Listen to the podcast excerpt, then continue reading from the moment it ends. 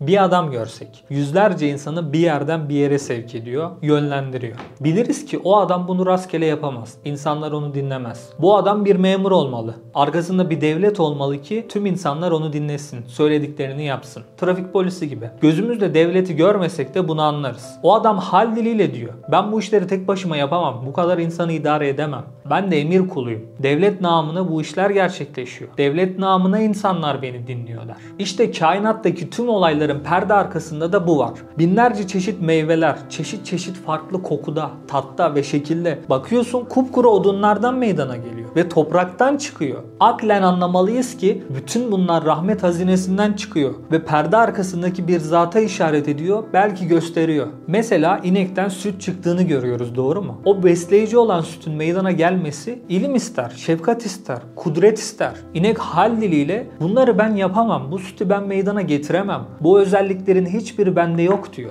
Mahlukat arasında en zeki olan insan dahi yıllarca ilim öğrendikten sonra sütü inceleyebiliyor. İşte ineğin ya da süt veren tüm memelilere tam ihtiyaç anında o sütün verilmesi, yavrularının beslenmesi onun rahmet hazinesinden olduğunu gösteriyor. Çünkü o inek de o sütten habersiz. O sadece ot yiyip vazifesini yapıyor. Aynı şekilde tavuğun günlerce oturduğu yumurtadan bir canlı çıkıyor. Hayat sahibi. Ona benzeyen bir mahluk. Bu bundan nasıl çıkabilir diyorsun. Tavuk yumurtaya nasıl hayat verebilir? DNA'sını nasıl dizebilir? O süreçleri anmayan nasıl gerçekleştirebilir? Kontrol edebilir? Tavuk da oturuyor ve bekliyor. O suret, gaga, hayat başka bir zat tarafından o yumurtadaki civcive veriliyor, giydiriliyor. İşte tavuğundan ineğinden, bitkisinden toprağına, yıldızına tüm mevcudat emre itaat ediyor. Aynen uyguluyorlar. Bal emri arıya, meyve ver emri ağaca, yak emri ateşe, ıslat emri suya, dön emri gezegenlere, yıldızlara, pek çok gök cismine verilmiş. Ayette de buyurulduğu gibi hepsi kendi yörüngesinde yüzmekte, dönmekte. İşte bunların her biri akıl gözüne gösteriyor ki bunları yaratan, şekillendiren, idare eden, anmayan, gözeten, ayakta tutan bir ilah olmalı. Bu zorunlu ki biz buna Allah Azze ve Celle diyoruz. Ve bunların her biri bize yaratıcımızdan, Allah'tan haber veriyor. Peki şu klasik bir soruya beraber bakalım. Allah'ı gözümüzle neden göremiyoruz? Birinci olarak sanatkar bizzat sanatın içinde aranmaz. Ondan daha üstündür, yücedir. Sanatın içine sığmaz. Bir ressamı resmin içinde, bir yazarı kitabın içinde bizzat görmeye çalışmak mantıksızdır. Bir resmin içine bakıp ya bunun ressamı nerede diyebilir miyiz? Bu saçma olur değil mi? Ama o eserden çıkarımlarda bulunarak o kişiyi yakından tanıyabiliriz. Aynen biz de yarattığı eserlerden, mevcudattan, kainattan Allah'ın eserlerini görebilir ve eserden müessire, eser sahibine bu muazzam fiillerden fail olan Allahü Teala'ya geçebiliriz. Onu aklen bulup tanıyabiliriz. Sanatkar sanatta aranmayacağı gibi Allah da zaman ve mekandan münezzehtir. Yani Allah ezeli ve ebedi olduğundan zaman ve mekan gibi kavramlar bizim için geçerli kaidelerdir. Biz bu olguların içinde yaşar dışına çıkamayız. Ama Allah için bu geçerli değildir. Allah zamanı ve mekanı yaratmıştır ve yarattığı şeylerle sınırlanamaz. Kayıt altına alınamaz. İlah olmanın gereği budur. Onların kuralına uymaz. O daha üstündür. O onlarla sınırlanamaz. Araf suresi 143. ayette de bu mesele aslında şöyle ifade ediliyor. Musa aleyhisselam bir gün Allahü Teala'yı görmek istiyor. Ve Rabbim bana görün, sana bakayım diyor. Allahü Teala da sen beni asla göremezsin. Fakat şu dağa bak. Eğer o yerinde durabilirse sen de beni görebilirsin diyor. Ve Allahü Teala o dağa bir nebze tecelli ettikten sonra dağ paramparça oluyor. Musa aleyhisselam da bayılıp düşüyor.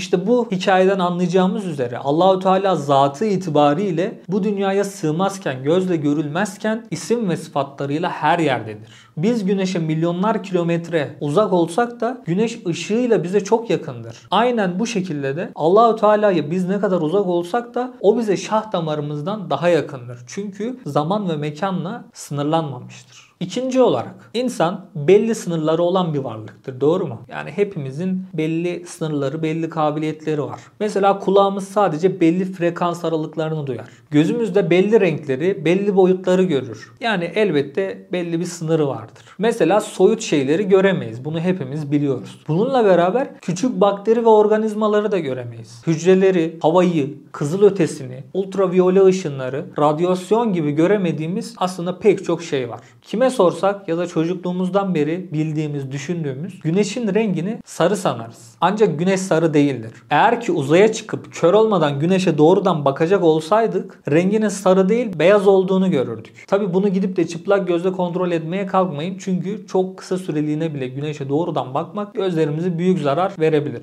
Atmosfer filtresinden geçip bizim gözümüze güneş göründüğü için biz onu sarı algılayabiliyoruz ama hakikatte aslında beyazdır. Güneşe çıplak gözle uzun süre bakmak bile mümkün değilken Allahü Teala'yı da gözünle görmeyi bekleme. Yani gözüne çok güvenme dostum. Her şeyi maddede arama. Her şeyi maddede arayanların akılları gözlerindedir. Göz ise maneviyatta kördür. Kendini göz ve görünen alemle sınırlama. İçindeki cevhere bak, aklına kalbine bak. Olayları onlarla değerlendirmeye çalış. Üçüncü madde olarak gelin şu akıl gözünden biraz bahsedelim. Ne demek bu akıl gözü? Akıl gözü maddi gözden daha üstündür. Akıl gözüyle maddi olmayan şeyleri, soyut kavramları, sevgi, saygı gibi gözlemleyebilir. Gözlemlediğimiz şeylere mana yükleyip rasyonel ilişkiler, bağlantılar bağlantılar kurabiliriz. Akıl buna yarar. Akıl iki şeyi bağlamak demektir. Bağlantı kurar, değerlendirme yapar, mana yükler. Bir kitap okuduğun zaman harfler bütünü kelimeleri oluşturur. Kelimeler de cümleleri oluşturur ve onlar senin aklında bir imgeye tekabül eder. Halbuki harfleri ya da kelimelere baktığımızda onlar bize bir mana söylemez, bir mesaj vermez. Ama onları birleştirip biz onların arkasındaki manayı yakalarız. Biri sana özel bir günde hediye verdiğinde onun sana olan sevgisini, ilgisini anlarsın. Verdiği şeye maddeye Oraya odaklanıp mesajı kaçırırsan karşıdaki insanı da kırabilirsin. Mesajı da anlamamana yol açabilir bu durum. Yani meselelere, maddeye arkasındaki mana itibariyle bakmalıyız ve değerlendirmeliyiz. Çünkü insan olmanın, akıl sahibi olmanın gereği budur.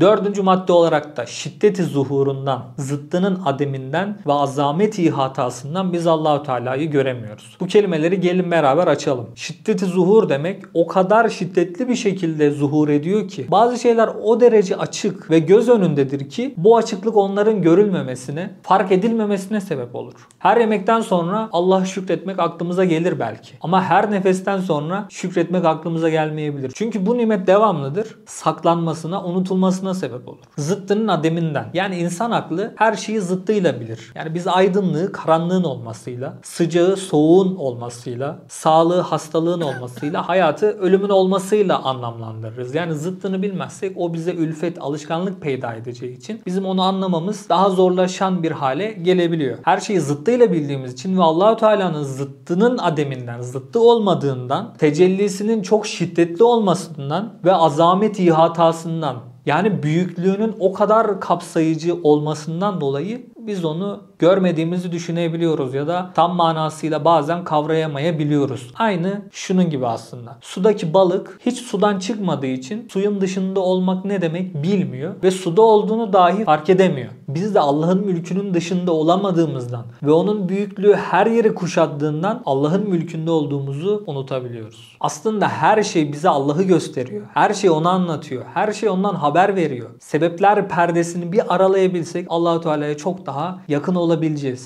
Bununla beraber şu sözü daha iyi anlayabiliriz aslında. Sebepleri kaldır aradan, zahir olsun yaradan. Beşinci madde olarak Allah bizden gayba iman etmemizi istiyor. O iman edenler ki onlar gayba iman ederler diye Kur'an-ı Kerim'in hemen başında Bakara suresinin 3. ayetinde Allahü Teala bizlere buyuruyor. Yani bu gayb ne demek? Bunu biraz açmak lazım. Yani gayb gizli, görünmeyen, bilinmeyen, gözlemlenebilir alanda incelenemeyen demek. Yani iman etmek, inanmak da tam olarak burada aslında. İman görmeden inanmaktır. Allah da bizden bunu istiyor. Onu gördüğü zaman herkes iman etmek, inanmak mecbur mecburiyetinde kalacak zaten. Önemli olan bu imtihan dünyasında Allahu Teala'yı sıfatlarıyla, esmalarıyla tanıyabilmek, ona yaklaşabilmek, ona iman edebilmek. Aracınla yolculuk yaparken radyodan sana ileride kaza olduğuna dair bir haber gelse buna inanır ve yolunu değiştirirsin. Haber sana güvenilir bir kaynaktan geliyor ve senin görmediğin bir şey hakkında sana uyarı yapılıyor. Sen de güvenir ve ona göre hareket edersin. Bir şeye hükmetme, hesap etme önceden yapılır. Gördüğümde inanırım deme. Allahu Teala'yı da aynı şekilde görürsem inanırım deme. Zira kaza yaptıktan sonra frene basmak anlamsızdır. Sınav bittikten sonra işaretleme yapamazsın. İş işten geçtikten sonra bir anlamı kalmayacak. İmaniye istediğimiz mesele bu aslında. İmaniye istiyoruz buna. Bu Firavun'un imanıdır ve geçersizdir. Bu dünyada hala nefes alabiliyorken, imkanımız varken 124 bin peygamber ve milyonlarca evliyanın bu en seçkin, dürüst, ahlaklı, güvenilir insanların yoluna katılalım ve kendimizi koruyalım. Din bir imtihandır, tekliftir. Elmaslarla kömürlerin ayrılmasını gerektirir. Sınavın amacı bilenlerle bilmeyenleri ayırmak olduğu gibi bu dünya imtihanı da inananlarla inanmayanlar, iyi ruhlarla kötü ruhları ayırmak üzerinedir. Allah herkese bizzat kendisini gösterip inandırabilir miydi, iman ettirebilir miydi? Evet. Ama hikmetine ters olurdu. Elmaslarla kömürler ayrılmaz. Ebu Bekir radıyallahu anh gibi iyi ruhlarla Ebu Cehil gibi kötü ruhlar bir kalırdı. Bu da mantıklı ve adaletli olmazdı. Kainattaki